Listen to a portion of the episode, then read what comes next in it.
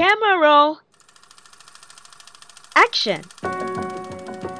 Dari layar lebar dan layar kaca, ada ide, makna, dan rasa. Semut-semut klub nonton menyampaikannya untukmu. Selamat mendengarkan 365 hari suara semut edisi para penikmat sinema Indonesia.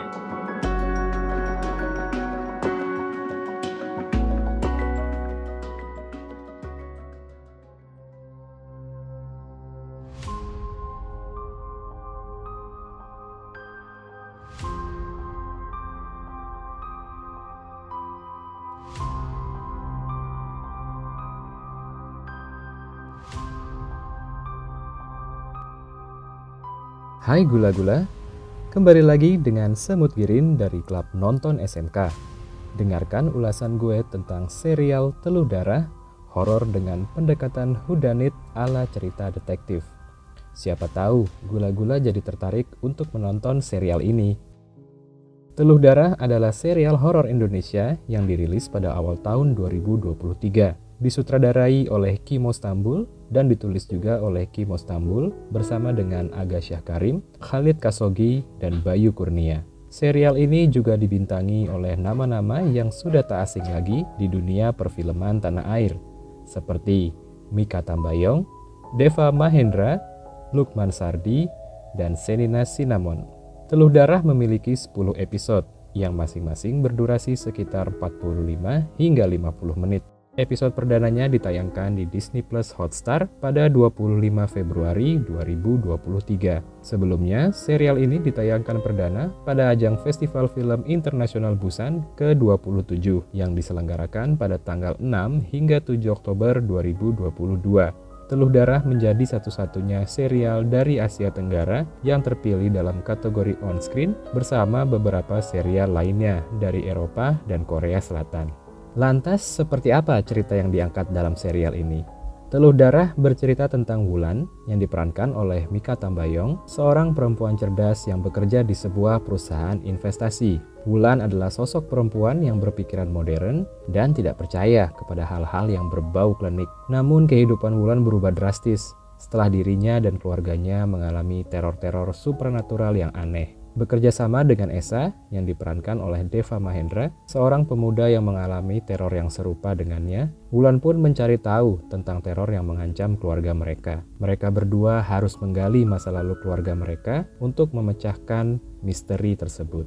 Penyelidikan itu kemudian mengungkap berbagai rahasia kelam pada masa lalu yang selama ini tidak mereka ketahui. Nah, sekarang gue akan bahas hal-hal apa saja yang menarik dari serial Telur Darah ini. Yang pertama, gue suka banget karena serial ini sangat kental dengan adegan-adegan gore dan brutal. Gak kurang dari apa yang gue harapkan dari seorang Kimo Stambul. Kimo sebagai salah satu sutradara ternama dalam genre horor memang punya ciri khas dalam menampilkan adegan-adegan yang sadis dan brutal. Dan dalam serial ini, ia berhasil menciptakan atmosfer yang mencekam dan menegangkan melalui adegan-adegan yang menjadi ciri khasnya tersebut. Penggunaan hewan-hewan seperti belatung, kelabang, dan tawon memberikan sentuhan yang mengerikan dan memperkuat tema ilmu hitam dalam cerita. Efek khusus dan CGI yang digunakan dengan cermat pun membantu menghidupkan visualisasi serangan ilmu hitam tersebut, memberikan detail yang realistis dan memikat. Kemudian dari sisi plot, tak seperti kebanyakan film atau cerita horor lain, serial Teluh Darah mengambil pendekatan whodunit, yaitu pendekatan yang berfokus untuk mencari tahu siapa pelaku kejahatan utama. Yang dalam serial ini adalah sang pengirim teluh yang melakukan pembunuhan-pembunuhan tragis dengan praktek ilmu hitam. Bak detektif, penonton diajak ikut merangkai petunjuk demi petunjuk yang diungkap secara bertahap. Dan gak jarang penonton dibuat terkecoh dalam menebak siapa nih pelaku yang mengirimkan teluh kepada keluarga Wulan dan Esa. Nah, pendekatan ini yang membuat gue terus merasa penasaran dengan perkembangan plotnya. Terus ingin mencari tahu tentang apa, siapa, dan mengapa di balik kejadian-kejadian tragis yang terjadi di sepanjang episode. Selain itu, alur cerita yang berjalan maju mundur dengan penggunaan adegan flashback juga berhasil disajikan dengan baik tanpa membuat gue kebingungan. Penyelidikan untuk mengungkap hubungan antara kejadian pada masa lalu dengan kejadian pada masa kini menambah daya tarik karena mengungkap keterkaitan antar karakter dan peristiwa-peristiwa penting dalam cerita. Semua ini menghasilkan sebuah plot yang rapih dan terstruktur dengan baik, mampu menjaga minat dan membuat gue terus terlibat dalam mengikuti perkembangan misteri yang penuh teka-teki dengan plot twist yang cukup mengejutkan namun gak terasa dipaksakan pada episode pamungkasnya. Nah, bicara soal karakter, serial ini memiliki banyak sekali karakter. Menariknya, semua karakter tersebut memiliki perannya masing-masing yang berkontribusi terhadap keutuhan cerita. Nyaris tuh nggak ada karakter yang sia-sia, bahkan karakter-karakter pendukungnya. Soal perkembangan karakter, Wulan sebagai tokoh utama sangatlah menarik untuk diikuti. Wulan adalah representasi dari seorang wanita muda yang modern, rasional, dan memiliki pendirian yang kuat. Sebagai seorang penasehat investasi yang sukses, ia tidak mempercayai hal-hal klinik dan mitos seperti teluh atau ilmu hitam. Nah, di awal cerita, Wulan menolak kemungkinan bahwa teror yang menghantui keluarganya memiliki kaitan dengan hal-hal bersifat supranatural atau klinik. Namun setelah bertemu dengan Esa dan menjadi saksi kematian tragis orang-orang terdekatnya yang tidak masuk akal, Wulan akhirnya terpaksa mempercayai bahwa ada hubungan antara kejadian-kejadian tersebut dengan hal-hal supranatural. Wulan pun bertekad untuk menyelidiki dan mengungkap identitas pelaku serta rahasia-rahasia masa lalu keluarganya. Perjalanan karakter bulan ini memberikan dinamika yang menarik dalam cerita. Perubahan sikapnya dari yang awalnya skeptis, terus menjadi percaya, serta keberanian dan ketekunan dalam mencari kebenaran membuatnya menjadi tokoh yang kuat dan memikat. Perkembangan karakter Wulan secara keseluruhan memberikan dimensi emosional yang lebih dalam pada cerita Teluh Darah. Menyinggung soal tema, Walaupun dibalut dengan cerita horor yang seram dengan banyak adegan brutal, serial ini sebenarnya begitu kental dengan tema keluarga. Hampir setiap karakter dalam serial ini bertindak dengan motif dasar yang sama, yaitu rasa sayang dan kepedulian terhadap keluarga dan orang-orang terdekat. Ya, walaupun sayangnya nggak semua keputusan dilakukan karakter-karakter ini benar dan baik sih.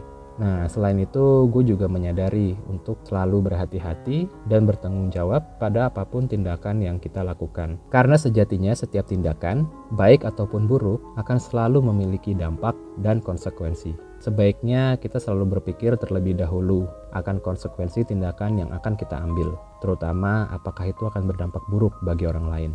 Nah, gula-gula, itu tadi ulasan gue tentang serial Teluh Darah. Secara keseluruhan, Teluh Darah adalah serial horor yang menyajikan pendekatan hudanit yang mengasihkan. Berbeda dengan cerita-cerita horor kebanyakan yang hanya mengandalkan jump scares. Teluh Darah memiliki penceritaan yang kuat dan pengembangan karakter yang baik. Serial ini juga berhasil menciptakan ketegangan yang dibangun bertahap dan menjaga keingintahuan penonton hingga episode terakhir. Bagi penggemar genre horor dengan nuansa detektif, Teluh Darah sangat gue rekomendasikan untuk kalian tonton. Gula-gula ada yang udah nonton serial Teluh Darah juga? Gimana dengan pengalaman nonton gula-gula?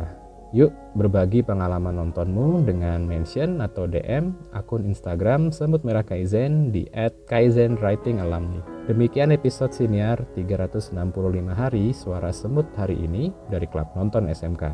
Dengarkan lagi besok untuk inspirasi lainnya ya. Salam literasi.